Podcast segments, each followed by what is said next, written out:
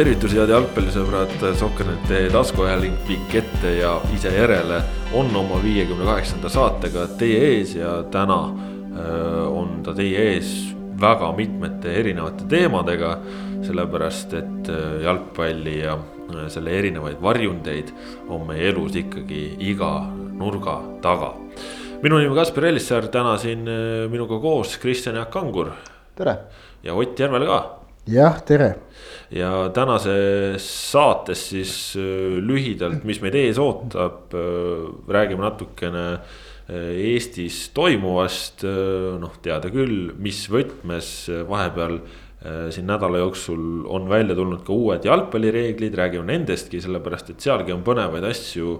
räägime sellest, kuidas selle koroonakriisi valguses on Äh, jalgpallimaailmas asjad arenenud, on äh, arenguid üht kui teistpidi, natukene põhjalikumalt räägime ka täna FC Barcelonast. Äh, natukene ka Prantsusmaal toimuvast ning siis ootab meid uus ja suurejooneline rubriik. olid ajad, olid mehed ja. olid ajad, olid mehed ja kui see äh, vaimukas või siis vähem vaimukas rubriik on möödas, siis saate lõpus on meile teile ka üks üllatus, mis võiks olla äkki isegi mõõdukal määral naljakas. see jääb lõppeks teie otsustada.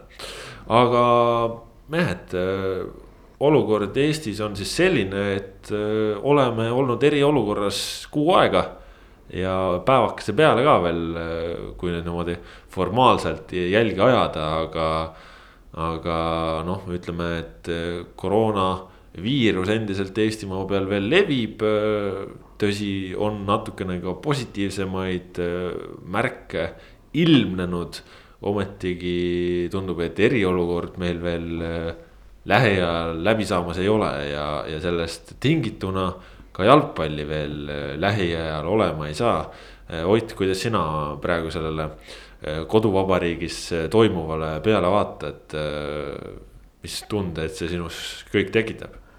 no need tolvanid kaabudega, need ju ilmselgelt tahavad, et see eriolukord pikeneks ja see on nagu igale poole näha, sellepärast et nii on võimalik näidata, et nad tegelikult ikkagi noh, näiliselt midagi seal riigi eesotsas teevad, kuigi tegelikult äh, mitte kas see lõpuks sealt esimesest maist edasi pikeneb, tegelikult ega me seda praegu ju ei tea ja, ja siin ongi, et need andmed nagu selguvad, äh, mille põhjal see otsus, ma tahaks loota, tehakse ikkagi terve mõistusega inimese, inimeste poolt.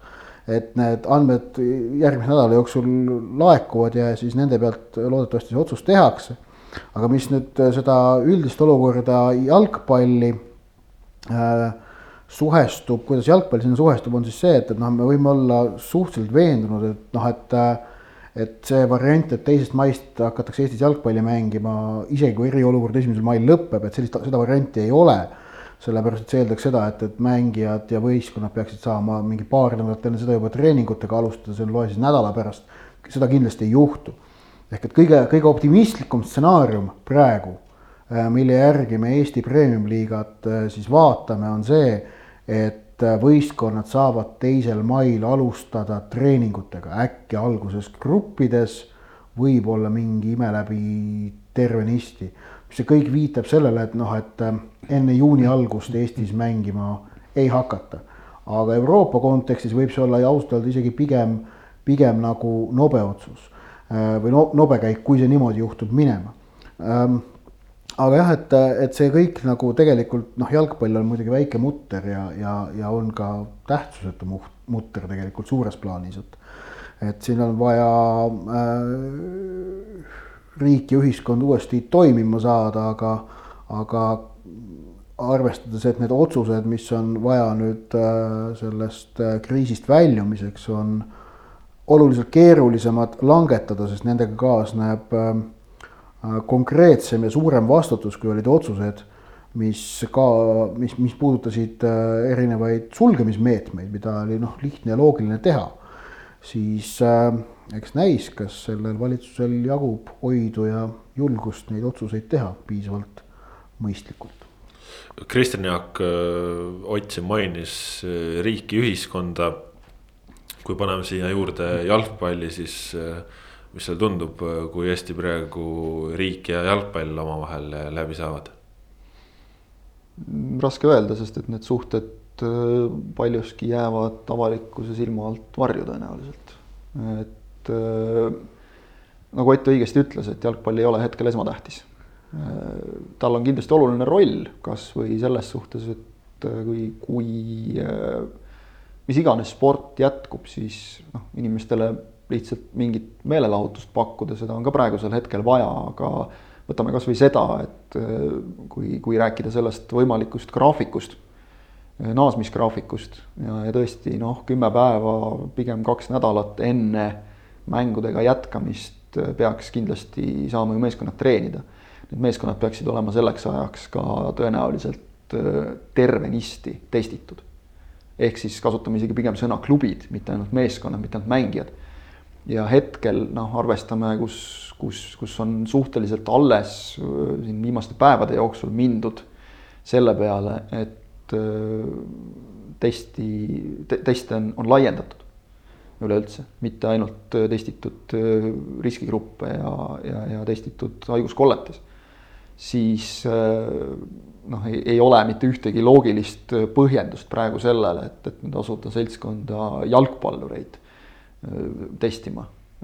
on kindlasti inimesi, kes, kes vajaksid seda varem ja, ja ennekõike, kelle, kelle töö ja tegevus on riigi toimimisel oluliselt elutähtsamad. nii et just seetõttu ma arvan, et, et see võib veel aega võtta, ma, ma ise miskipärast, see on minu täiesti subjektiivne arvamus. ma ei tea, kui eriolukorra juht ka mingil hetkel julgeb midagi vähe konkreetsemat öelda, siis see oleks muidugi tervitatav, aga aga ma, ma usun, no ütleme niimoodi, et kui äh, esimesel mail eriolukord ei lõpe ja ma usun, et ta ei lõpe, vaid teda pikendatakse, see on selline vähemalt kahe nädala jagu eriolukorra pikendamine tundub olevat selline otsus, mida on veel vastu võt-, võimalik võtta suhteliselt kergelt äh, suurema. ja lihtsad. ühiskonnas suurema nagu vastumeelsuse või lihtsa, pahakspanu. lihtsad otsused, äh, mille taga ei ole mitte mingisugust sellist julgemat plaani, need sellele valitsusele meeldivad ja eriti seal juhile. just ja, ja noh, ütleme, et ma selles valguses ei välistaks ka seda, et, et pikendatakse veel kuu aja võrra, selles on äh, ka see loogika, et noh, kiirustada praeguses olukorras ei ole mõtet. kõik märgid praegu, ma rõhutan, praegu, hetkel, äh, võib-olla kui te seda saadet kuulate, on juba midagi muutunud. Äh, näitavad seda, et, et pigem Eestil on läinud hästi hõisata on, on väga vara sellegipoolest, nii et äh, tasa ja targu, nagu Ott ütles väga õigesti, et nüüd on, on vaja igasugust, igas, igas valdkonnas mõistlikku äh, skeemi, läbimõeldust äh,. kõige lihtsam on muidugi öelda, et ei, mitte midagi ei toimu, ei saa toimuda, ei tohi toimuda noh, jalgpalliliit eeldatavasti teeb nii palju kui nende võimuses, aga, aga rohkemat nad ka teha ei saa selleks, et, et mängud naaseksid, nii et ütleme jah, mina isiklikult arvan, et, et võib-olla äkki, äkki isegi hakatakse mängima juuni algusest. mai keskel saavad meeskonnad hakata treenima ja juuni algusest saavad nad väljakutele naasta selles mõttes ei ole nagu tohutut kiiret, et see võimaldaks endiselt mängida ära kolm ringi tõenäoliselt. Natukene küll tihedama graafikuga, aga arvestades seda, et, et meil ju sisuliselt sel aastal noh, selle võib ilmselt ette ära öelda, mingeid koondise mänge ei ole üldse oodata. ja, ja noh, nende eurosarja mängudega ka jumal teab, kuidas üldse saab nendega, siis, siis sellega saab ilmselt hakkama. ja, ja noh ei, ei ole praegu, me kõik ootame ja tahame, aga ütleme nii, et hetkel me oleme veel seisus, kus, kus kiirelt alustamisega on võib-olla kaotada rohkem kui võita. et kui see asi uuesti peaks pooleli jääma, vot siis on juba jama. sa ütlesid seal, et äh, raske öelda, millised on riigi ja jalgpalliliidu suhted, ma väidan, need on ikkagi päris soojad, kui ma meenutan eelmist sügist. kui Eesti koondis pidas Rahvuste Liigas kolm kodukohtumist, siis äh, nagu naksti olid äh, mängueelseteks kätlejateks kolme valitsuserakonna esimehed Helme, Seeder ja Ratas on ju. Äh, riigieelarvest eraldati kuus miljonit eurot nelja jalgpallihalli rajamiseks.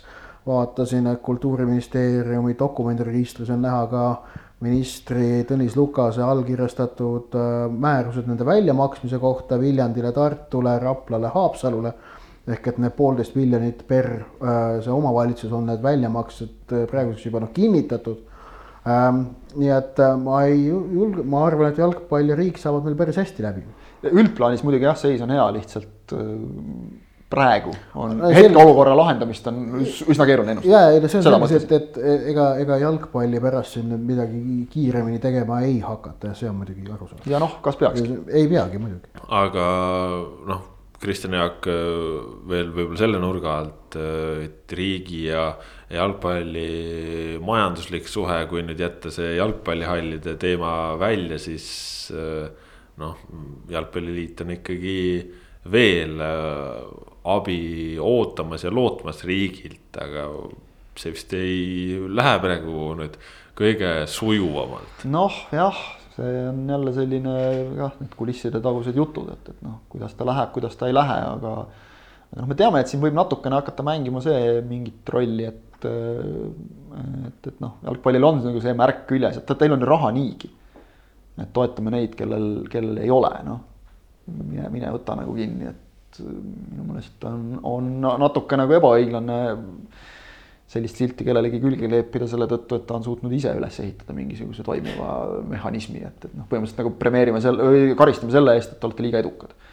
aga mis muidugi puudutab veel riigi ja, ja noh, jalgpallisuhteid, siis, siis saab huvitav äh, kindlasti olema vaadata, kui nüüd äh, tänane esmaspäevane värske uudis või noh, tegelikult ta ei olegi nii värske, see kiri, mille Jalgpalliliit on saatnud Kultuuriministeeriumile, see on juba siin mõned päevad tagasi ametlikesse registritesse jõudnud, seal registreeritud, et seoses selle Eestis ära jäänud U seitseteist EM-iga, millega seoses on ju palju kulutusi juba tehtud. liit esitas taotluse, et, et nende, nad võtavad loomulikult nüüd oma taotluse tagasi. aga et juba tehtud kulutusi ei, ei peaks enam tagasi maksma, mis on tegelikult tegelikult teiste suurprojektide puhul toiminud nii, kes on saanud riigipoolse toetuse, kes on saanud juba mingid rahad kätte, et nad ei ole pidanud neid tagasi maksma. eriolukorra, kuigi eriolukorra tõttu need üritused ära on jäänud või jäävad. et, et noh, mulle tundub see nagu igati mõistlik, et liit kannab kahjusid selle turniiri ärajäämisega nii või teisiti. et loodame, et seal tuleb mõistlik vastus, mõistlik lahendus kui noh, ma ei näe nagu põhjust, miks ta ei peaks nii, nii minema, et. Et, et siis, siis on ju kõik hästi. Jah, kui me rääkisime sellest, et ei tea, kuidas Eestis äh, siin treeningutele naasta ja millal see kõik võiks juhtuda, siis tegelikult välismaal praegu tuleb järjest enam äh, teateid, sakslased juba päris massiliselt äh, Bundesliga klubides harjutavad üheskoos treeningud on nii-öelda taastatud, mitte küll võib-olla päris sajaprotsendise rütmiga Hispaaniastki juba teate, et Real Sociedad alustab ka koos treenimist, tõsi, nemad on küll siis Hispaania sellest koroona epitsentrist Madridist kõvasti põhja pool, põhjarannikul. ja, ja seal see olukord on natukene leebem, aga, aga samm ja märk siiski millestki. noh, Rootsis teame siin klubid kõrgliiga klubid äh, treenivad koos sellest nädalast juba, juba väga laialdaselt siin isegi Rootsi jalgpalli suurkuju Zlatan Ibrahimovic, kes tegelikult ju kuulub äh, AC Milani ridadesse, on ka praegu äh, kodumaal Rootsis ja harjutab siis Hammarbyga, klubiga, kes käis talvel Tallinnas ja, ja mille siis üks osanikest Ibrahimovic on nii et äh, Rootsis seal töö käib ja Karol Mets äh, Aikiga ka samamoodi trenni vihub, seal suuri piiranguid ei ole. ja, ja tundub, et äh, tõesti nagu laiemas maailmas ka võib-olla, kus isegi ei oleks oodanud nii kiirelt sellist olukorra naasmist, siis, siis need asjad ikkagi on päris ruttu mööda minemas. noh, sakslased on tuntud efektiivsuse poolest ja paistab, et nad on ka selle koroonakriisiga äh, suurriikidest, Euroopa suurriikidest kõige efektiivsemalt hakkama saanud, mis võimaldab neil äh, ilmselgelt ka jalgpalliga kõige varem naasta, et selleks ei pea praegu hiromant ütlema, et viies tippliigast Saksamaa naaseb esimesena. ja, ja võib naasta märgatavalt varem kui kõik ülejäänud, sellepärast et nii Inglismaal, Hispaanias, Itaalias kui ka Prantsusmaal on, on viirusepuhanguga ju seisud oluliselt halvemad kui Saksamaal. et, et selles mõttes sakslased on suutnud jah asja nagu majandada. sakslastel on ju vist minu meelest äh, haigestunud ja, ja selle viiruse tagajärjel surnud suhtarv on noh, ikka, ikka nagu selles mõttes meeletult hea, et madal ühesõnaga. jah, see kõver on, kõver on, nad on suutnud selle hoida nagu väga-väga-väga madalal, et neil, neil minu meelest ei olegi meditsiinisüsteemile sellist kardetud tõelist ülekoormust äh, tekkinud, et võib-olla kõige üllatuslikum oli, oli see hispaanlaste uudis, et noh, okei okay,, et Real Sociedad võib seal põhjas ju trenni teha, aga ülejäänud meeskonnad peavad ka selleks olemas olema, et liigat mängida saaks. sakslaste puhul ma usun, et Bundesliga tunnetab ka väga hästi oma võimalust praegusel noh, see võib kõlada natuke küüniliselt, aga, aga praegusel turul kus sisuliselt tippliigade, teiste Euroopa tippliigade näol konkurents puudub. ma ise isiklikult oleksin kõige skeptilisem äh, Premier League'i osas. sellepärast, et Inglismaa jäi, Suurbritannia jäi hiljaks oma reaktsioonidega. Äh, valis algul ühe taktika, siis otsustas hakata kasutama teist. selle tõttu minu meelest nad on maas isegi teatud määral Itaaliast, Hispaaniast, kus nagu olukord hästi vaikselt hakkab juba paremuse poole pöörama aga need riigid on ka, ma usun, veel väga kaugel sellest, et seal millalgi mängida saaks, et tegelikult esimesed signaalid on Euroopast juba tulnud ka, et, et kui Belgia oli siin esimene riik, kes äh, lõpetas täielikult oma, oma liiga ja tegelikult on ju Šotimaa sellele ülilähedal. šotlastel on vaja praegu neljas kõrgemas liigas ainult veel championship'ist ehk esiliigast ühe klubi äh, kinnitust ja samas selle ühe klubi hääl võib väga palju muuta, et, et kui nüüd see üks klubi, keda täpselt ei ole teada, kes see on, annab oma hääle selle poolt, et äh, liigad lugeda hetkeseisuga lõppenuks äh,. šotlased kasutavad siis seda keskmist mängude punktide suhet. Äh,. see seal tabelis palju ei muuda, näiteks ei eurokohtade ega, ega püsimajäämise väljalangemise osas ei muudaks midagi hetkel. Vist olid kuues-seitsmes koht vahetaksid kohad kõrgliigas, aga noh, see on ebaoluline. Äh, kõrgliiga on nõus äh, kaks äh, ehk siis kolmas-neljas liiga, League One, League Two, neid arvestatakse tervikuna, nemad on sellega nõus. seal on vajalikud hääled juba koos, üksikud klubid on ainult vastu, aga championship'is on üks hääl puudu, nii et, et kui nüüd see üks klubi ütleb, et, et ei, nad ei ole sellega nõus, siis see keerab tuksi kogu skeemi, sest et noh, kui üks liiga ei nõustu, siis ei saa ka teistele seda peale suruda ehk et äh, šotlased kaaluvad ka mingit varianti, et oma kõrgliiga kasvatada üldse neljateistkümne meeskonna peale, et keegi välja ei langeks. aga ütleme nii, et ükskõik, mida nad valivad, nad on äh, lahendusele juba võrdlemisi lähedal ja nad on leppinud sellega, et tõenäoliselt me sel hooajal enam ei mängi. Šotlaste ja..., šotlased on väga lihtsalt põhjusel leppinud sellega, sellepärast et neil hakkab uuest hooajast uus teleleping Skyga, mis Just. on palju tulusam kui senine ja, ja selles lepingus on konkreetselt kirjas, et äh, hooaeg peab algama, kui ma ei eksi, see oli vist augusti esimene nädalavahetus mm. -hmm. ja, ja seetõttu on nad ka motiveeritud praegust hooaega lõpetama, seal on ka see pluss, et äh, noh, meistri väljakuulutamine ei tekitaks mingeid tohutuid kirgi, kuna, kuna vahed on nii märkimisväärsed. Mujal Euroopas noh, vaatame, ütleme veel nädal-paar ja siis võib juba olla paljude jaoks selgem see, et seda hooaega lihtsalt ei ole võimalik mängida enam öö, lõpuni.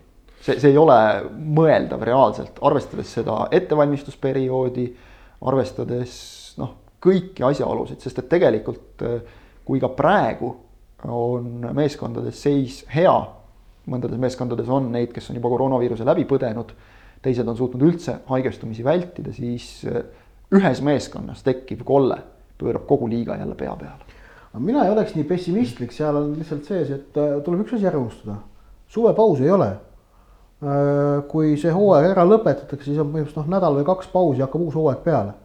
Et, et kui see nagu sealt vahelt välja võtta ja tõstagi see suvepaus lihtsalt praegusesse aega, öelda, puhkus ongi praegu noh, ja sellist asja tegelikult näiteks nagu Soomes on ju vist mängijatel öelda, põhimõtteliselt teie aasta puhkus on praegu et siis nagu oleks see võimalik ja, ja. no üks oluline konks on muidugi on täpselt see, mida sa juba mainisid, needsamad telelepingud, et kui hooaega ei lõpetata, siis äh, osades riikides lihtsalt või noh, enamikus riikides kas ei maksta rahasid välja või nõutakse need rahad tagasi. Javier Tebas, Hispaania kõrgliiga tegevjuht oli öelnud, et on kolm, kolm stsenaariumit ja nende kulunumbrid. Äh, kui liiga mängitakse lõpuni äh, koos publikuga, siis noh, sellele vaatamata koroonakriisi tõttu kaotab äh, Hispaania kõrgliiga klubid kaotavad tervikuna sada viiskümmend miljonit eurot. kui mängitakse lõpuni ilma publikuta, kaotatakse kolmsada viiskümmend miljonit eurot. kui ei mängita lõpuni on kaotuseks miljard eurot jah, ja tegelikult siit ongi võib-olla väga paslik minna Prantsusmaa peale, kus ongi siis esimesena ka suurtest olukord selline, kus telerahasid juba ei makstud. ehk siis eelmisel nädalal oli seal nii-öelda see maksetähtaeg Kanal pluss ja, ja Bein Sports, kes Prantsusmaa kõrgliigat näitavad, otsustasid siis, kuna liiga on pausil, oma makseid mitte teha ja, ja selle Äh, maksete siis kogusumma oli sada viiskümmend kaks miljonit eurot. Äh, sealt siis Kanal plussi osa oli vist suurusjärgus sada kümme äh, miljonit ja, ja Bein spordi oma nelikümmend kaks. Ehk siis juba on Prantsusmaal see esimene löök saadud, seal on praegu raha jäänud maksmata ja seejuures on siis jäänud maksmata ka raha mängude eest, mida on juba näidatud. Ehk siis see on selline päris huvitav olukord ja, ja sellest sõltuvalt on siis Prantsusmaal juba äh, profimängijate ühendus koostöös riigiga hakanud otsima võimalusi, kuidas see kriis üle elada, ilma et klubid läheksid pankrotti. Ja eelmisel nädalal siis jõuti juba ka sellise esimese visioonini, mis ei ole küll veel Äh, täielikult ametlik ja, ja ei tea, et kas ta sellisel kujul täpselt käiku läheb, aga. aga prantslased siis äh, on leidnud tegelikult päris mõistliku lahenduse, ehk siis äh, kärpida palkasid proportsionaalselt, ehk siis mida rohkem teenid, seda, seda suurem osa nii-öelda oma palgast hetkel Äh, saamata jääd ilma, sellest ilma, noh muidugi siin on ka see variant, et, et need võivad minna lihtsalt nii-öelda ootele külmutamisesse, ehk siis kui olukord taastub. siis need rahad ikkagi kätte saadakse, aga seal siis tõesti asja eesmärk on see, et need, kes on madalapalgalised. et nemad äh, ei jääks oma sissetulekust ilma, sest see on ju see siin on sihtrühm, keda see rahaline kaotus kõige rohkem äh, määraks ja mõjutaks, sest noh seal ongi, ütleme lühidalt öeldes, et kui sa teenid kuus üle saja tuhande euro, siis su palgakärbe võiks ajutiselt olla viiskümmend protsenti ehk siis noh, saad viiskümmend tuhat vähemalt kätte. noh, paljude puhul me räägime ikkagi siis tegelikult võib-olla ka mingi miljonitest on ju, mis nad kätte saavad ju. elaks ära viiekümne tuhandega, ma arvan, hädapärast. jah, ja, ja noh, rääkimata siis, kui sa oled näiteks Neimar ja, ja su öö, päevapalk on juba sada tuhat, ehk siis su kuupalk on kolm miljonit ja sellest ühe koma viie miljoniga on ka tõenäoliselt võimalik ikkagi ära elada. aga, aga tõesti neid siis, kes saavad kuus alla kümne tuhande euro nende puhul siis üldse kärbet ei rakendataks, need, kes teenivad kümme kuni kakskümmend tuhat, nende puhul oleks kärbe kakskümmend protsenti kakskümmend kuni viiskümmend tuhat eurot kuus teenides oleks see kärbe kolmkümmend protsenti. ja viiskümmend kuni sada tuhat eurot kuus teenides oleks see kärbe nelikümmend protsenti, ehk siis selline noh. Äh, noh, nagu siin on Eestis ka olnud arutelusid, et astmeline tulumaks ja nii edasi, aga, aga noh väga selline sotsialistlik lähenemine on, on, aga, sama, sama, sama asi torkas just silmad, Itaalia korvpallis oli sama süsteem tehtud põhimõtteliselt, aga. aga selle kõige puhul on nagu noh, summad on küll suured ja vägevad, aga aga näiteks oli vist The Athletic'is oli hea lugu, kus nagu pildikustati seda, et et võtame Inglismaal jalgpalluri, kes teenib nädalas kümme tuhat naela, mis on Inglismaa jalgpallis selline noh, championship'i korraliku mängija palk, esiliiga mängija korralik palk. et äh, esiteks sellest pool läheb kohe Maksuametile, äh, mis tähendab siis kuu, kuuteenistus on circa kakskümmend tuhat Äh, selle jalgpalluri puhul, kui tavalisel inimesel on äh, igakuine nõnda kodulaenumakse, on, on seal noh, kaheksa-üheksasaja naela kandis, siis jalgpallur maksab iga kuu vähemalt viis tuhat, äkki isegi rohkem äh, oma kodulaenu, sellepärast et tema kodulaen on pandud üles kestma kuni karjääri lõpuni ja ta karjäär lõpeb siis, kui ta saab kolmkümmend viis, võib-olla isegi varem ehk et äh, noh, see finantsplaan on oluliselt nagu äkilisem ja nõudlikum. sageli on ta noh, pärit suhteliselt sellisest tagasihoidlikust keskkonnast, no mingist Briti tööstusrajoonist tal on, tal on, tal on, tal on kombeks seda nagu seal rajoonis mingit jalgpalliaktiviteeti või mingit toidupanka või mida iganes säärast nagu igakuiselt toetada. ehk et eh, jah, inimene, kes, kes teenib Suurbritannias eh, keskmine või see, mis see, see, no ütleme, no mingi noh, sellist Suurbritannia tavalist palka vist on nelikümmend, viiskümmend tuhat naela nädal, aastas minu meelest. Seal on umbes aasta palgast vaadata, et see vaatab tõesti, et sel jalgpalluril noh, et mis tal nagu viga on Äh, aga seal tuleb arvestada jah, et nende jalgpallurite isiklikud finantsplaanid äh, ja distsipliinid on, on üles ehitatud teistsuguste loogikatega võrreldes, võrreldes inimesega, kelle karjäär tööalal on ette nähtud kestma nelikümmend aastat. et see on see nüanss, mida seal tuleb, tuleb ka arvestada, jah, Neimar muidugi sinna võrrandisse ei sobitu. aga need, kes teenivad Neimari suguseid summasid või isegi pool sellest, neid on tippjalgpallurite seas ka ikkagi väga väikene protsent. ehk et need äh, Äh, jalgpallurid, kes nagu kõige rohkem ohus on, on, ongi need noh, tavalised, tavalised profijalgpallurid, kes ei mängi tingimata kõrgliigas, vaid mängivad näiteks madalamates liigades. Äh, või mängivad kõrgliigas sellise noh, ütleme mõistliku palgataseme juures. jah, noh, ütleme siit hea näide on ju tegelikult kasvõi meie oma kodune Raio Piiraja, kes ju ütles ka, et tema eesmärk on oma karjääri lõpuks äh, ära maksta oma, oma pangalaenud, mis on siin majade ehitamiseks ja asjadeks kulunud. Et kõik nii-öelda kinnisvara kuuluks talle ja, ja et oleks kõik kalastustehnika soetatud, mida vaja läks ja karjäär läbi sai, saigi alustada oma, oma nii-öelda kalurielu on ju. jah, ja, ja, ja noh, ega just täpselt see, et, et sa pead ju kuidagi pärast ka hakkama saama ja ütleme, et äh, jalgpallurile, kes on pannud suure osa oma elust, ütleme, saades kolmkümmend viis või, või nelikümmend, äh, suure osa oma elust ainult ühe asja alla. kui ta on olnud vähegi nagu tipptasemel mängija, siis ta on tegelenud ainult jalgpalliga. ega nüüd äh, liiga palju ameteid tal valida ei ole, selles mõttes näiteks Piiraja on hea näide, et, et tal on mingi oskus veel, mis võimaldab elus noh, suuresti iga kell mingil moel hakkama saada. ega neid liiga palju ei ole. Et me loeme nagu teinekord mingeid uudiseid, et, et kus, kus nagu jalgpallur on läinud äh, täpselt just selline championship'i tasemel jalgpallur, kes võib-olla kõrgliigasse ei tõusegi. ehk tema seda tohutult suurt palgapäeva, seda unistuste lepingut mitte kunagi ei tulegi, et kuidas ta on läinud umbes noh, tagasi, ma ei tea, kas mingiks poepidajaks või. või, või ehitusfirma juhiks või midagi sellist, et noh, umbes nii, et, et nagu ta oleks oma raha ära laristanud.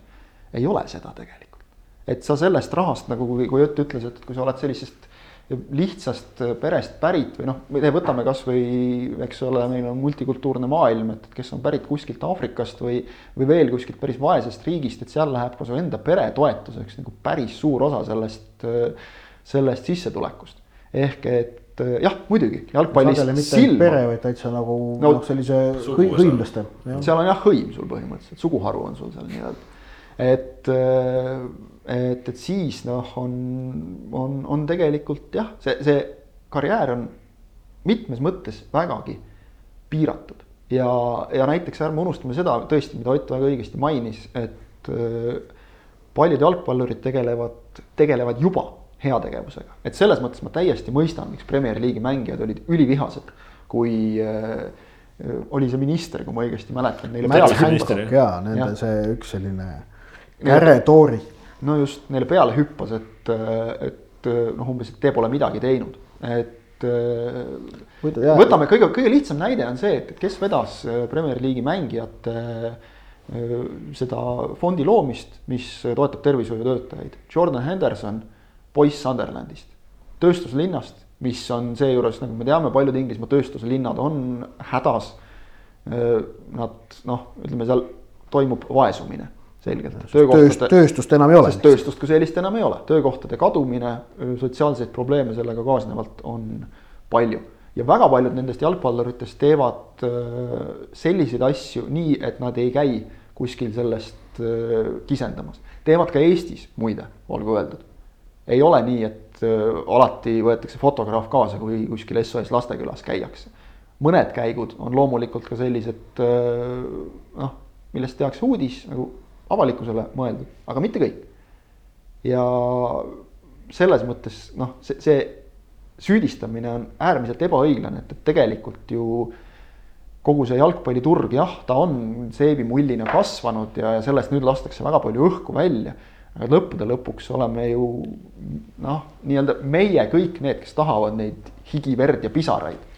Ja, ja nõuavad nendelt jalgpalluritelt aastas aina rohkemate, rohkemate, rohkemate mängude mängimist. ja no tuleme siit äh, korraks veel otsapidi selle Prantsusmaa juurde ka tagasi, mis selle äh, nii-öelda jutulõnga alguspunktiks oli, siis seal on ju tegelikult äh, nüüd olukord isegi nii kaugele läinud, et Hispaania siis noh, telekommunikatsiooniettevõte Mediapro, kes kes muuhulgas siis praegu Hispaanias La Ligat kõikide vaatajateni, kes kodudes mänge naudivad, toob.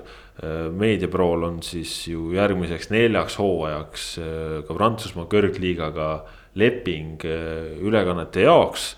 ja, ja tegelikult praegu siis nende juht, Hame Rohrers ju, ju käis välja juba selle, et kui Canal pluss ja Behin ei ole nõus Prantsusmaa klubidele oma rahasid maksma, siis näitame ise näitame ise, võtame lepingud üle ja, ja oleme valmis näitama, oleme valmis maksma, et äh, see on ka selline päris nii-öelda pretsedenditu olukord ja noh, muidugi seal on omajagu sellist omavahelist äh, võitlust ka, sest äh, noh, tegelikult kui praegu ütleme.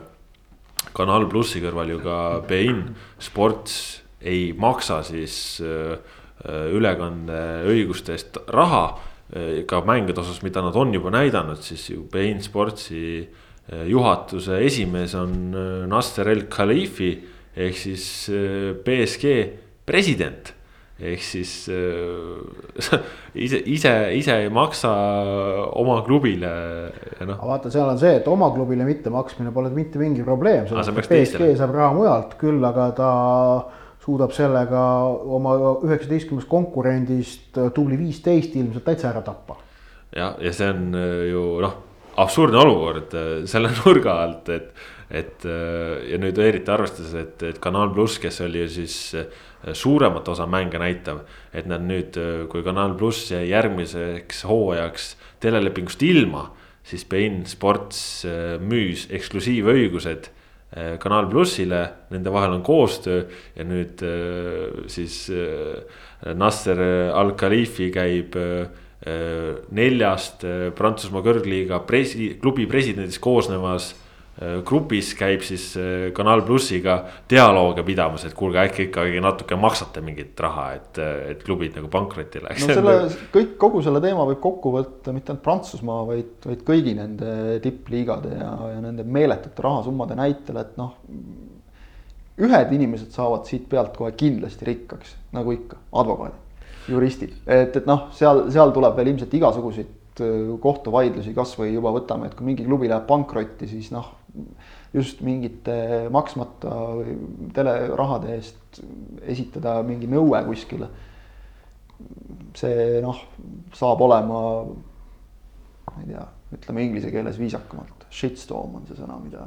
ja, ja aga noh, tegelikult meediapro juht äh, su suunas ka nagu tähelepanu õigetele asjadele, sest tegelikult ju telekanalid ei ole praegu veel selles olukorras, kus nad ei suudaks neid summasid maksta vaid, vaid tema heitiski ette siis Kanal plussile ja BN-ile, et, et nemad lihtsalt üritavad olukorrast kasu lõigata, tuues ettekäändeks, et näe, praegu mänge ei toimu, me ei maksa ja nii on. Äh, kuigi siis tõesti tegelikult on maksmata ka mängudest, mida on juba näidatud. ehk siis nendel ei ole vajadust tegelikult mitte maksta, aga nad lihtsalt on teinud nii-öelda ärilise valiku lõigata siit olukorrast kasu. ja samas võime olla ka selles mõttes nagu noh, natukene küünilised jällegi jalgpallurite suhtes, et noh, tavainimesel on nagu see olukord, et tööd ei ole, siis tööandja ütleb, et midagi, palgata puhkus ja ja nii on lihtsalt, et noh, miks, miks nagu jalgpallur peaks üldse saama sealt kasvõi oma kaheksakümmend või viiskümmend protsenti kätte, eks ole, võib ka seda küsida näiteks täiesti, et kui. kui seda loogikat pidi minna, nii et eh, noh, keeruline teema. Kaspar, sa juba lugesid ette seal Nasser al-Khelaifi erinevaid tiitleid, mida ta kõike on, ma siinkohal rõhutan, et tegemist on ka UEFA täitevkomitee liikmega, tänu kellele tänu suurepärasele organisatsioonile nimega European Club Association ehk ECA, kes ta sinna oma delegaadiks läkitas, et eh, näha on, et ECA-s on ikka süda on õiges kohas, et selliseid mehi kõrgetele kohtadele läkitatakse.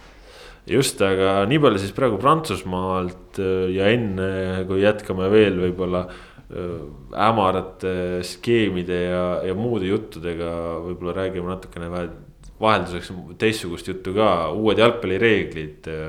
IFAB teatas eelmisel nädalal, et nüüd kehtima hakkavad ja ja noh, üks oluline täiendus see, et olaga tohib nüüd jalgpalli mängida, mis on tore lõpuks. mida me kõik ootasime miskipärast just tegelikult, päriselt ka. ja see tehti natukene selgemaks lihtsalt, et, et noh, et kust, kust maalt see õlapiir täpselt läheb ja üldiselt peaks see nagu käed tehti lühemaks. Ülevalt poolt. ülimalt mõistlik, sest äh, just ongi, õlaga nagu mängida tohib ja nüüd reaalselt ka tohib, aga, aga Ott, äh, seal tegelikult neid muudatusi teisigi ja, ja, ja ka võib-olla põnevamaid. Jah, et äh, nagu Sokkernetist nüüd siin paar tundi tagasi peaks artikkel olema ilmunud et tegelikult minu arust kõige nagu tähelepanuväärsem on see, et, et inglastele öeldi, et see teie varrisüsteem, et käige kukele sellega ja lõpetage see pull ära. põhimõtteliselt öeldi, lõpetage lollused. jah, sellepärast, et tegelikult äh, võeti reeglitest või siis varri protseduuri puudutavast määrustikust võeti välja äh, sõna äh,, mis oli seal, inglisekeelne sõna oli often, noh, mis on siis enamasti, on ju. või, või. jube hea sõna, mida reeglitesse üldse äh, panna tegelikult. mis, mis puudutas seda, et subjektiivsete otsuste puhul on, oli, oli seni siis vaja enamasti kohtuniku poolt isiklikku ülevaatamist. aga nüüd, kui see sõna enamasti võeti ära, siis tegelikult äh, noh, ei jäänud seda mänguruumi, mida inglased ära kasutasid. ja mul on keeruline uskuda, et Inglismaa, kes on ise selle IFAB-i, kes reeglite eest vastutab liige nüüd niivõrd otseselt kavatseks hakata äh, peale sülitama sellele määrusele, ehk et ma noh, on põhjendatud ootus ja lootus, et uuest hooajast Premier League'is on varr sama, mis ta on Mandri-Euroopas, mis on ja meistrite liigas, mis on selgelt parem ja mis on väga tähtis ka, et ta oleks ikkagi igal pool ühtne. Äh, sellepärast, et äh, varri puhul jätkuvalt on vaja tegeleda väga palju selgitustööga ning seda selgitada saab asja, mis on igal pool ühtemoodi arusaadav. kui, kui asi on ühel pool äh, kollane, teisel pool punane, siis sa pead selgitama kõigile, et ei, tegelikult see ikkagi on igal pool kollane, siis see nagu ei toimi niimoodi, on ju. vaid asi peab olema igal pool ühtne.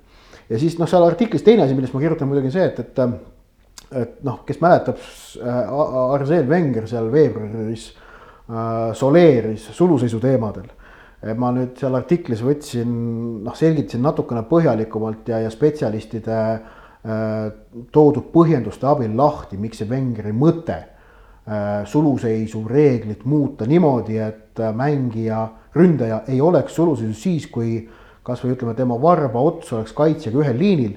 et miks, miks see mõte on tegelikult väga halb mõte. et, et lühidalt kokkuvõttes suluseisu reegel surub mängijad võimalikult väiksele maa-alale, mis omakorda tekitab väljakul palju ruumi, mis annab äh, mängule võimaluse olla dünaamiline ja kompaktne, mis muudab tegelikult jalgpallimängu intensiivseks, mis ongi nauditav. Et see on nagu nüüd lühidalt siis kokkuvõetuna artiklis on seda kõike enam kui üheteistkümne tuhande tähemärgi jagu, nii et lugege terviseks. ja nüüd on siis paslik minna tagasi siis sarnase teema juurde, mis oli eelmine, ehk siis eh, FC Barcelona ja seal eh, kodanik Bartomeu teeb igasuguseid erinevaid asju. Kangur, võtad äkki kuidagi lühidalt kokku, et nagu. noh, see on küll raske ülesanne lühidalt kokku võtta.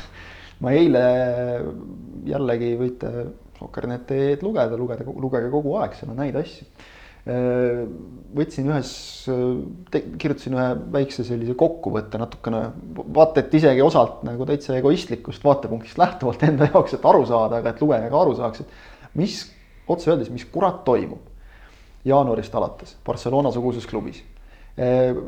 Äh, president Bartomeu tegemisi noh, vaadates äh, vägisi meenub ka see, kunagi olid sööklates manitseti inimesi viisakalt käituma plakatitega, ise sööme, ise joome, ise nõud ka ära toome, et noh, natukene nagu läheb samasse rubriiki selle BSG härraga võrreldes. et noh, tuleb välja, et Bartomeu on hetkel Barcelonas äh, nii äh, klubi president kui ka asepresident, asepresidente on siis mitu. Nüüd on natuke vähem pärast seda, kui osad sealt lahkusid, aga lühidalt jaanuarist alates on noh puterdatud ja koperdatud enam-vähem kõigega, millega annab, alustades peatreener Valverde vallandamisest, talle selliste asendajate otsimisest, kelle puhul oli teada, et need mehed ei tule, siis Kike Setieni leidmisest, sealt edasi minnes loomulikult see täiesti jabur ründaja saaga, kus teati, et ründajat on vaja, teda ei toodud, selle asemel saadeti hoopis mõni ründaja minema siis sai vigastada Usman Dembele, siis toodi eriklausli alusel Martin Braithwaite, mille puhul vist ei saadud aru sellest hästi, et Barcelona võis oma tahtmise saada, aga vähemalt minu subjektiivse hinnangu järgi ülejäänud jalgpallimaailm ikkagi vaatas suhteliselt pika pilguga seda. et sellisel klubil, sellises olukorras eriti, kus noh, ei olnud tõesti, tegelikult ei olnud mingi täiesti üleöö kaela sadanud kriisiga tegemist. oli vaja noh, niisugust totrat klauslit rakendada, et enda meeskonda täiendada teise klubi arvelt, kes ei saanud enam endale uut meest tuua. Äh, maksti ka veel vist üle tegelikult ja noh, ühesõnaga selliseid nüansse on niivõrd meeletult palju seal, et äh, Emily Rousseau, kes oli kuu aega tagasi väga õnnelik ilmselt, et ta nimetati klubi asepresidendiks. ja Bartomeu väidetavalt ka ise nägi temas just enda asendajat. on äh, tänaseks klubist lahkunud kuu aega hiljem lisaks oli vahepeal veel see noh, täiesti piinlik ja totter skandaal, kus, kus muidugi hetkel on veel sõna sõna vastu, sest et äh, kohus kuskil ei ole mingit otsust langetanud, aga väidetavalt Barcelona juhtkond maksis äh, ühele firmale selle eest, et see looks Twitteris võltskontosid. Ja nende kontode alt siis noh, laimati, pilgati, mõnitati kas siis klubi legende või ka praegusi mängijaid. Äh, kes Bartomeu vastu on sõna võtnud, selline vahva mainekujunduskampaania ehk et noh, kõik parim, parimad poliitporno võtted, ütleme omas, omas mahlas nagu on seal käiku läinud.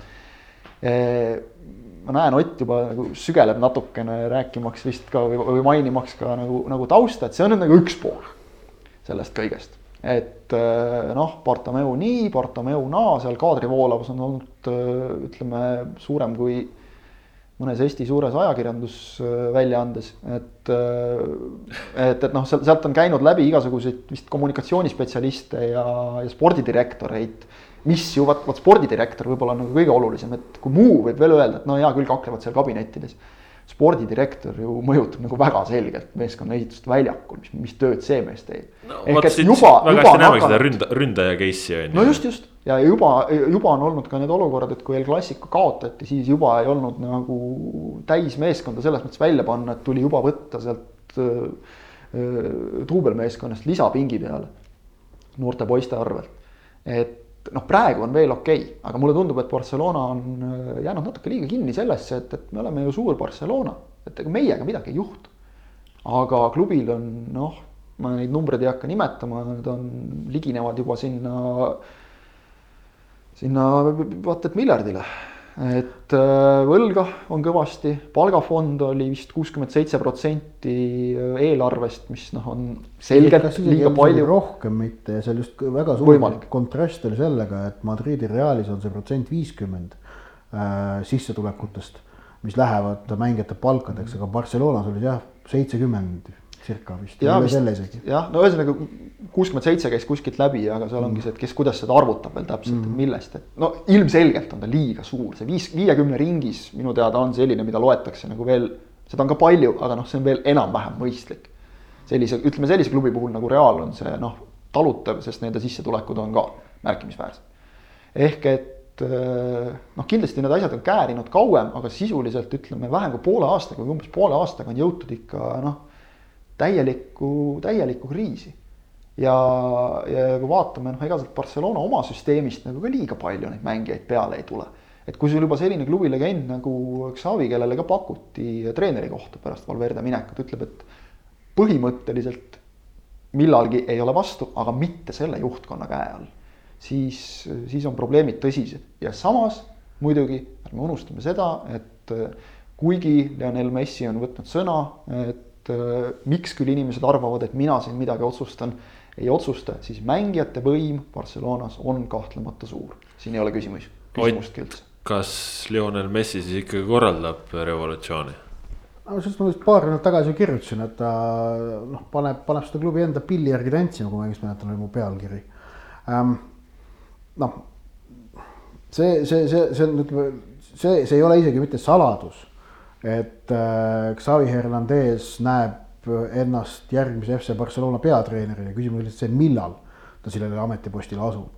Carles Puyol, samuti Xavi ja Messi endine meeskonnakaaslane on üha sügavamat huvi väljendamas ja temast räägitakse kui Barcelona võimalikust järgmisest noh, kas äh, mingist juhtivast tegelinskist, võib-olla isegi presidendist, kuigi pigem mitte, et enamasti presidendiks on mingi selline noh, vanem ja nii-öelda väärikam härra on ju.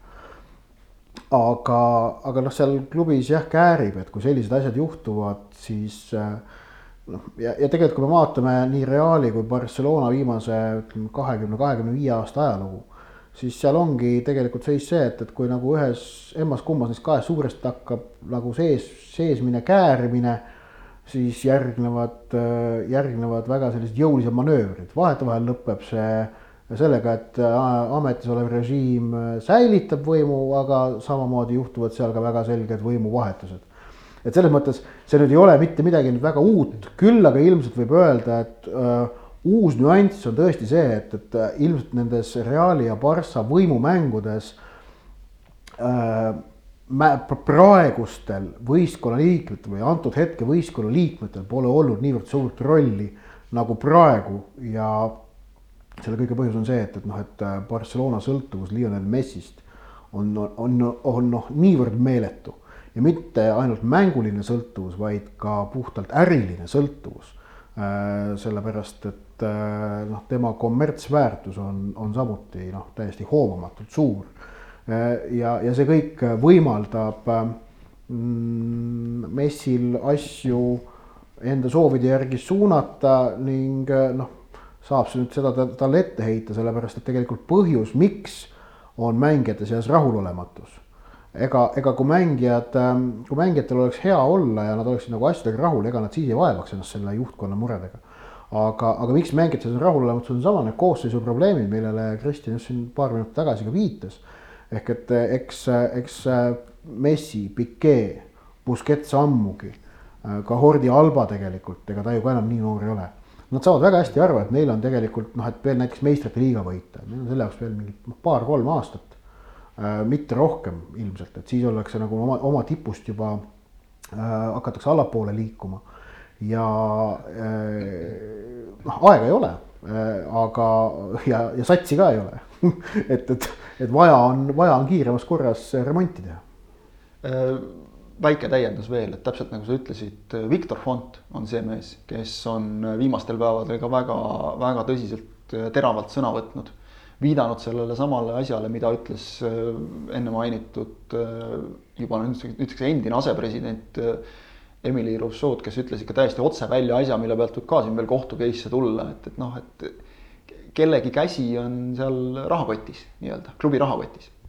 Ehk et noh, keegi teeb enda kasuks seal, seal liigutusi ja Font on öelnud täiesti äh, otse välja ka seda, et, et tema näeb, ta on kasutanud sõna äh, Barcelona tuleviku nurgakivi kellegi teise kui äh, Xavi kohta. ei ole teinud saladust sellest, et ta on suhelnud palju Carles Pujoliga, suhelnud palju Andres Iniestaga, nii et noh, siin ma arvan, ei pea väga Sherlock Holmes olema selleks, et sealt niidid nagu edasi ka, ka Messini viia. aga tõesti, see ei ole selles mõttes, et, et noh, Messi mängib mingeid räpaseid võimumänge, vaid see on ajendatud väga loogilisest põhjusest täpselt, et mängija, kes hoolib oma karjäärist ja ma olen noh, võib täiesti kindlalt öelda. hoolik oma klubist. just täpselt, täiesti kindlalt võib öelda siit Äh, Lillekülast ka, et, et ta hoolib Barcelonast väga palju, see on, see on tema klubi, see on tema elu, nii et noh. isegi kui ta jätaks kõrvale enda karjääri, siis ta ilmselt teeks kõik selleks, et äh, Barcelona oleks selline jõud, nagu ta on olnud. Jah, ja noh, ütleme ongi võib-olla kui, kui juhtkonnas käiks nagu töö mõistuspäraselt, kui spordidirektorid püsiksid, siis oleks ka Barcelona koosseis selline, et seal suuremad staarid nagu. nagu Messi ja, ja, ja Piquet ja nii edasi ei vihjaks pidevalt sellele, et meie koosseis on õhuke. meil ei ole polstrit ja ongi nii, kui vigastused on, siis olemegi jamas ja noh, kogu selle tähe all kogu see ju hooaeg siin kulgenud on, lihtsalt ise on nii palju intriige ja jama üles keritud noh, kellegi sihukese ebaprofessionaalse töö pärast. no ja ärme unustame seda ka, et äh, ikkagi päris mitu korda nüüd äh,, see on ka tegelikult olnud põhjus, miks Messi on üldse avalikult sõna võtnud, ta on seni tegelikult hoidnud ennast eemale nendest asjadest. on see, et äh, noh, president on ikkagi nagu kas läbi lillede või peaaegu et otse mõista andnud, oli ju nüüd ka viimane skandaal oli täpselt sellest samast äh, koroonaviirusest tingitud äh, palgaloovutuste teemal. kus, kus käidi nagu esimese asjana välja umbes selline variant, et äh, ahned mängijad ei ole nõus oma palgast loobuma. mis noh, ütleme nii, et see esiteks see juba kõlab äärmiselt ebatõenäoliselt ja, ja, ja, ja noh, teiseks tea, teades kasvõi Barcelona sellist pikaajalist koostööd UNICEF-i ja, ja kõikide heategevusorganisatsioonidega ja üleüldse nende tegevust ja, ja, ja noh, teiseks äh, lihtsalt nagu oma klubi mängijate kohta selliseid asju ei öelda, isegi kui see peaks mingil põhjusel tõsi olema. ehk et äh, jah, käärib seal ikka, ikka väga kõvasti noh, ilmselt mingil hetkel läheb see natuke inetu plärtsatusega see, see mull lõhki, aga, aga noh, selles vast nüüd ei maksa kahelda, et küll see Barcelona jälle oma asjad korda saab.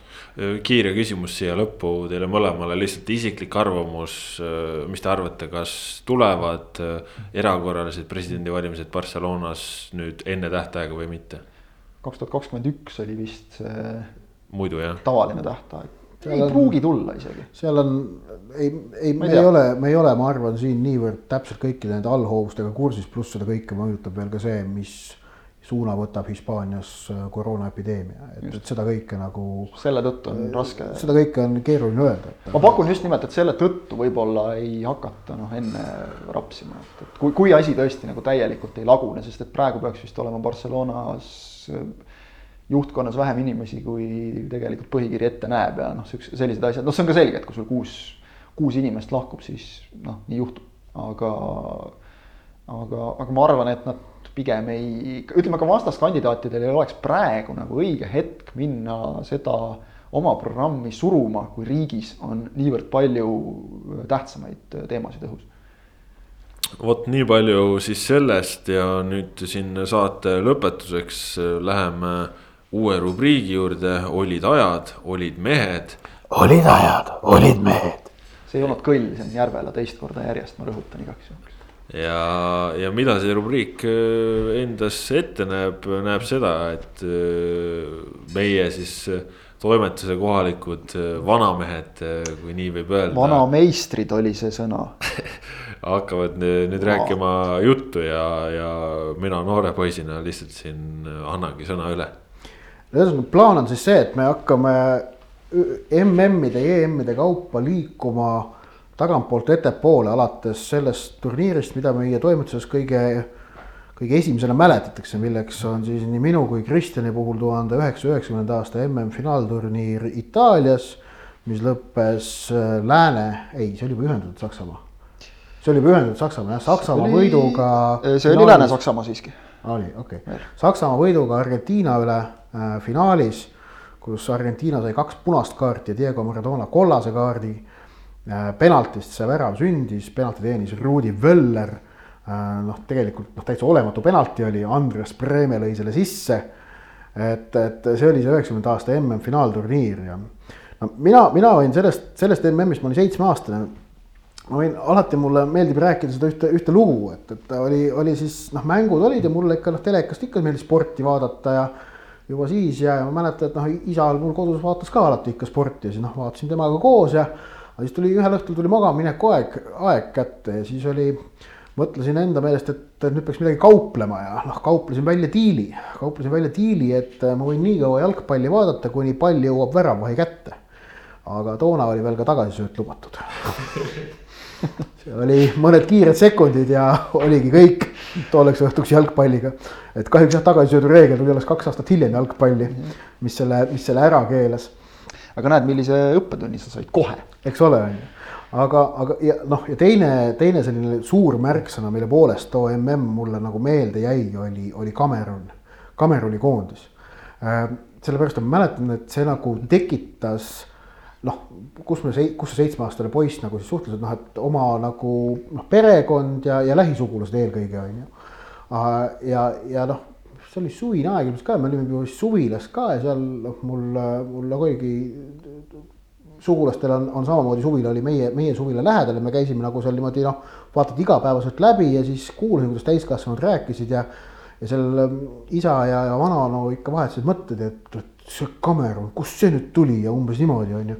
ja siis äh, noh, minul oli kodus oli veel see, oli kuskilt lehest oli ikka, oli see turniiritabel ka olemas, seda sai nagu vildikaga täita ja, ja noh, ikka need Cameroni, Cameron jah, need võlu ma ei mäleta, ma ei mäleta neid etteasteid nii täpselt või ma ja, ja selle Roger Milla kuulsa tantsu olen ma ka nagu pigem nagu tagantjärele, järele vaadanud, on ju. Aga mul on meeles see, et, et see Cameron, see tundus nagu niivõrd põnevalt. see oli nagu selline noh, Pipi Pikksuka, Kurunurru, Vutisaare tegelased tulid ja hakkasid jalkat mängima. see oli umbes selline värk ja see oli väga äge. Äh, huvitav, Cameron on ka minul meeles. Äh, ma olen mõelnud pärast, et äkki sealt sai alguse mu üks väike kiiks äh, mängijate nimede suhtes. Kas sa polnud varem lihtsalt pruune poisse äkki näinud või? seda ikka vast, aga, aga mida naljakam nimi, seda, seda toredam kuidagi. ja noh, Cameron esimeses mängus ju kohe valmistas suur üllatuse Argentiina vastu. ehk et seal oli ka nagu mingi lugu ja sellest ma sain aru, et see on midagi ikka tohutult erilist minul erinevalt, et sinust ei ole, ei ole lapsepõlvest sellist või noh, paljudest ei ole lapsepõlvest seda, et, et noh, esimesed mängud vaatasin kuskilt niimoodi isa või onu või vanaisa kõrvalt, et see, see jalgpallihuvi ja üldse spordihuvi tuli mul kuidagi nagu natukene iseseisvamalt. ja, ja ma mäletan, et, et oli äh, vahva mees, kes saadeti punase kaardiga minema selles samas esimeses mängus Argentiina vastu Cameroni poole pealt mängisid vennad, äh, kelle perekonnanimi oli Bijik. üks neist lõi värava, teine saadeti punasega minema selle teise nimi oli Andre Kana Bijik ja miskipärast see kana jäi mulle sealt kuidagi äh, kangesti meelde äh, täpselt sama asi, nagu sa ütlesid, et, et selliste juba aastakümneid tagasi toimunud turniiride puhul hakkad vahel ise ka mõtlema, kas ma nägin seda nüüd päriselt sel hetkel või ma olen hiljem vaadanud seda kuskilt Youtube'ist nii palju või lugenud mingi asja kohta nii palju, et ma sealt loon nii-öelda oma mälupildi. Aga see on mul meeles, et äh, väikse poisina ka ilmselt ei lubatud mul kõiki neid mänge, õhtusi mänge vaadata. aga äh, Maradona jäi mulle sealt meelde. tagantjärgi on ju sellest turniirist räägitud, kui äh, jumal tänatud, et sel hetkel oli see noh, nii-öelda esimene selline õige jalgpallikogemus suure jalgpallikogemus, sest et tõesti varasematest ei kaheksakümne kuuenda aasta MM-ist ammugi mitte, ega kaheksakümne kaheksanda aasta EM-ist mul ausalt ei ole mitte ühtegi mälupilti. aga, aga see, et tegelikult see oli ju see nii-öelda see koleda jalgpalli võidukäik, kus väravaid löödi vähe, rünnakud ei olnud noh, ka eriti, eriti ilusad nii mõnigi mäng lõppes null-null või üks-null. finaali kohta on ka öeldud, et tegelikult see üks-null iseloomustas väga hästi, üks-null penaltist.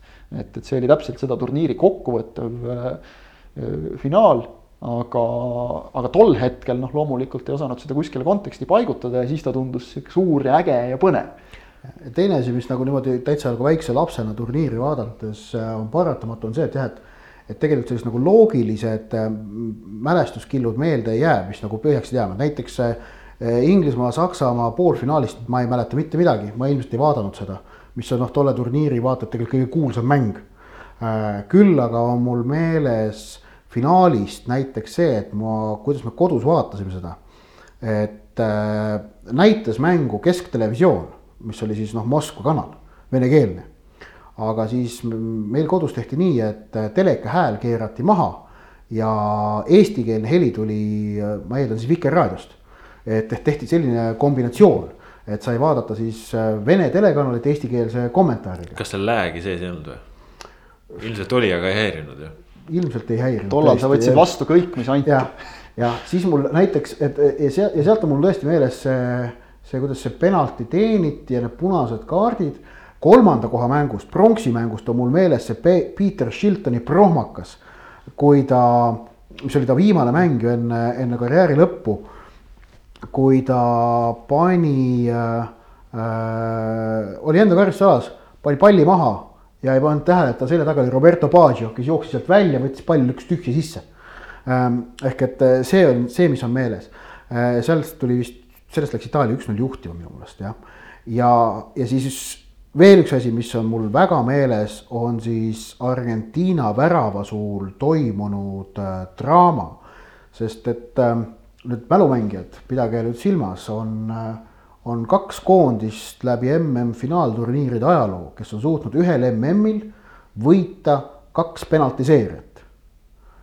teiseks on Horvaatia, kes tegi seda tunamullusel MM-il, kui võitis, nüüd mul peast ei tule meelde, keda ta võitis, ta võitis Venemaad ja enne seda võitis ta Taanit, oli ju nii? jah mul tulid alateaduslikult kaheksakümnendal finaalis Taani ja veerandfinaalis, veerandfinaalis Venemaa, just. ja esimene koondis oli Argentiina üheksakümnenda aasta MM-il, kes siis võitis ju esmalt veerandfinaalis penaltitega Jugoslaaviat ja poolfinaalis äh, penaltitega võõrustajat Itaaliat. Ja selle äh, äh, sangariks, Argentiina koondise sangariks oli äh, varuväravaht Sergio Goicoechea, kes sest Argentiina põhiväravaht, kelle nime ma nüüd ausalt vaatan ära mm. Vikipeedias, kes Neri Pumpido, ma just vaatasin. Neri Pumpido, et see nimi mul meeles ei ole, aga Goicoechea jäi mul tollal seitsmeaastasele poisile alati meelde. Äh, põhiväravaht murdis äh, alagrupis jalaluu ära ja see Goicoechea, kes oli vist suht nagu, ta vist oligi selle Pumpido vahetusmees koduklubis ja siis koondises ka noh, umbes nagu Flora üheksakümnendatel, et noh, et noh, ütleme, ütleme, ütleme samamoodi. ja, ja tuli ja siis tegi on ju kahes mängus järjest nagu penaltiseeris supertõrjed. et need, kui sa, kui, kui otsida need tõrjed üles, need ei ole mingid lihtsad tõrjed, ta lõi ka posti kõrvalt neid penalteid ära. ja siis, kui ma suvilas hakkasin ise noh mängima kõike seda, mis ma nagu telekast olen näinud, siis ma, ma tegin niimoodi suvila otsasein. hiljem tuli see lauad ära vahetada, lõin palli vastu seda ja siis noh, hüppasin ise järele tagasi põrkunud palli järele, see on niimoodi väravahi, väravaht olla, siis ma mäletan ikka, ma väga palju kujutasin ennast ette Koiko Tšiaks, kui ma seal niimoodi hüppasin ja kargasin siia ja sinna. jah, hea sellist..., sa ei kujutanud ennast ette Pumpidoks, see oleks viinud su haiglavoodisse kiiresti. nojah, jah. jalavigastus, aga, aga näiteks tõesti, see on huvitav, et kui ma vaatan ka siit, et noh, mängud kaheksandikfinaalides on näiteks sellised paarid olnud nagu Brasiilia, Argentiina või Lääne-Saksamaa, Holland. see peaks olema viimane Brasiilia-Argentiina mäng MM-il võimalik jah. seda minu meelest pole MM-ile vastamisi läinud. või näiteks Itaalia, Uruguay, et äh, mängud, mida kindlasti noh, praegu ootaks. Saksamaa, Holland. Saksamaa, Holland, eks ole. Äh, hingevärinal ootaks, aga tookord äh, nüüd äh, nooremad kuulajad saavad ka teada, et oli ka selline variant, et ma eeldan, et oli äh, oli siis ilmselt äh, Saksamaa-Hollandi mäng oli hilisõhtune mäng ja mind oli lihtsalt magama saadetud, ehk et ma lugesin seda, ma mäletan, ma ei olnud ka veel kodus, vaid äh, suvitasin ka kuskil, äh, kuskil Põhja-Eestis. ja, ja millal see ajaleht sinna jõudis, noh kindlasti äkki oli isegi järgmine päev, aga võis ka ülejärgmine päev olla. sealt sain siis vaadata neid šokeerivaid pilte, kuidas Frank Raikard on parajasti sülitanud äh, Rudi Völlerile lokkidesse ja mõlemad mehed on minema saadetud. ehk et äh, noh, sellised pöördelised sündmused kõik jõudsid äh, kuidagi hiljem. Erinevalt... Nõukogude Liidu viimase koha üle alagrupis sai muidugi rõõmustada jah, see, see, see nagu oli noh, ikka see, see on mul ka meeles ikka jah, et seal ikka. kusjuures mina näiteks kui, ei ole kindel. kui venelased jälle tappa said, siis oli kõigil hea meel. mina näiteks ei ole kindel, kas ma sel hetkel olin veel nagu sajaprotsendiliselt teadlik, et selle üle tuleb rõõmustada. aga, aga kindlasti olin ma seda juba kaks aastat hiljem äh, EM-i ajal, nii et äh, noh, nüüd vaikselt vist jõuamegi sinna juba. jah, ja lisaks sai ma teada, et äh, toona selline riik nagu Costa Rica on olemas. jah, et ühesõnaga. mis oli väga noh, tore, sest et noh, see oli ka selline punk on ju. esimesed suurvõistlused õpetavad palju erinevaid riike. lollakaid, mis siis punk on. lollakaid nimesid, äh, kõikvõimalikke selliseid asju, seal puudub loogika, aga tänu sellele just on asjas mingi oma võlu. ja üks asi veel, mida ma toona õppisin, oli see, et seesama turniiritabel, mis oli nagu meil kodus kapi seina peal. et seal nagu nende kuue alagrupi ümber olid ka fotod kõikidest eelmistest maailmameistritest ja ma põhimõtteliselt seitsmeaastasena õppisin jalgpalli maailmameistrit, äh, esimesed siis, mis seal mõniteist, mitu neid oli, tolleks ajaks selgeks. no ja mina alustasin muidugi oma masohhistlikku teekonda juba tol, tol MM-il, äh, hoides äh, teatud määral pöialt Inglismaale. sellest sa juba rääkisid, kuidas neil poolfinaalis läks. jah, just vot selline oli siis meil ajaloos esmakordne Olid ajad, olid mehed rubriik ja selle rubriigiga jätkame siin äh, järgmistel nädalatel ka. aga nüüd äh, saate alguses välja lubatud üllatus, mis äh, võib olla isegi mõõdukal määral naljakas. nimelt ahvime siis saate lõpetuseks kuulsamaid kolleege Inglismaa ajalehe The Guardiani väga populaarne podcast Football Weekly on võtnud koroonakriisi ajal kombeks selle, et nende muhe panelist Barry Glendening loeb saate lõpetuseks ette ühe tuntud poplaulu sõnad. ja mingil kummalisel põhjusel on see osutunud sedavõrd populaarseks ja nauditavaks, et ka meie seda proovime. meie Barry Glendening on antud juhul siis Ott Järvela, kes esitab teile nüüd viisivaba versiooni üheksakümnendate diskodaami Nancy Palast. sa muutsid kõik kaua täitsid hinge mingi tusk ja piin, viimaks siiski sisse tungis valguskiir. äng, mis mind kui vangi hoidis, haihtus kui miraaž, vaikus laulis taas. taas võin kergel sammul samblal astuda, jälle julgen suudlust võtta vastu maa. mõtlen ainult sulle, sest sul tulles lõppes kaos. taas on kõigel seos sa muutsid kõik, sa andsid kõik, mis suutsid anda, ma olin vaid kui kevadet ootav maa. mul polnud ükskõik, sind kroonib võit, ma teadsin kindlalt, sa muutsid kõik, mis muuta sai, ma ära tundsin enda. põuas kuivab maa ja veeta närbub taim, varjusurmast ellu toob üks ainus võim. ei või teada, miks ei pääse ükski naine, mees pettumuste teest miski siiski aina ootab üht ja teist, miski meie jaoks, kuid mis ei sõltu meist. see, mis muudab kauniks kõiki, üllatab meid veel, ainult arm on see. sa muutsid kõik, sa andsid kõik, mis suutsid anda, ma olin vaid kui kevadet ootav maa. mul polnud ükskõik, sind kroonib võit, ma teadsin kindlalt, sa muutsid kõik, mis muuta sai, ma ära tundsin enda sa muutsid kõik, sa andsid kõik, mis suutsid anda, ma olin vaid kui kevadet ootav maa mul polnud ükskõik, sind kroonib võit, ma teadsin kindlalt. sa muutsid kõik, mis muuta sai, ma ära tundsin enda. no vot, selline oli siis äh, Nancy Pala, sa muutsid kõik äh, meie kohaliku Barry Glendeningi ehk siis Ott Järvela esituses ja kahtlemata head kuulajad, tehke meile kommentaarides või kuskil mujal sotsiaalmeedias, foorumis ettepanekuid. millist Eesti Laulu peaks Ott järgmisel nädalal ette lugema? selline oli viiekümne kaheksas pikk ette ja ise järele saate teid teieni Kaspar Elisser, Ott Järvela, Kristjan Jaak Kangur. olge terved, adjöö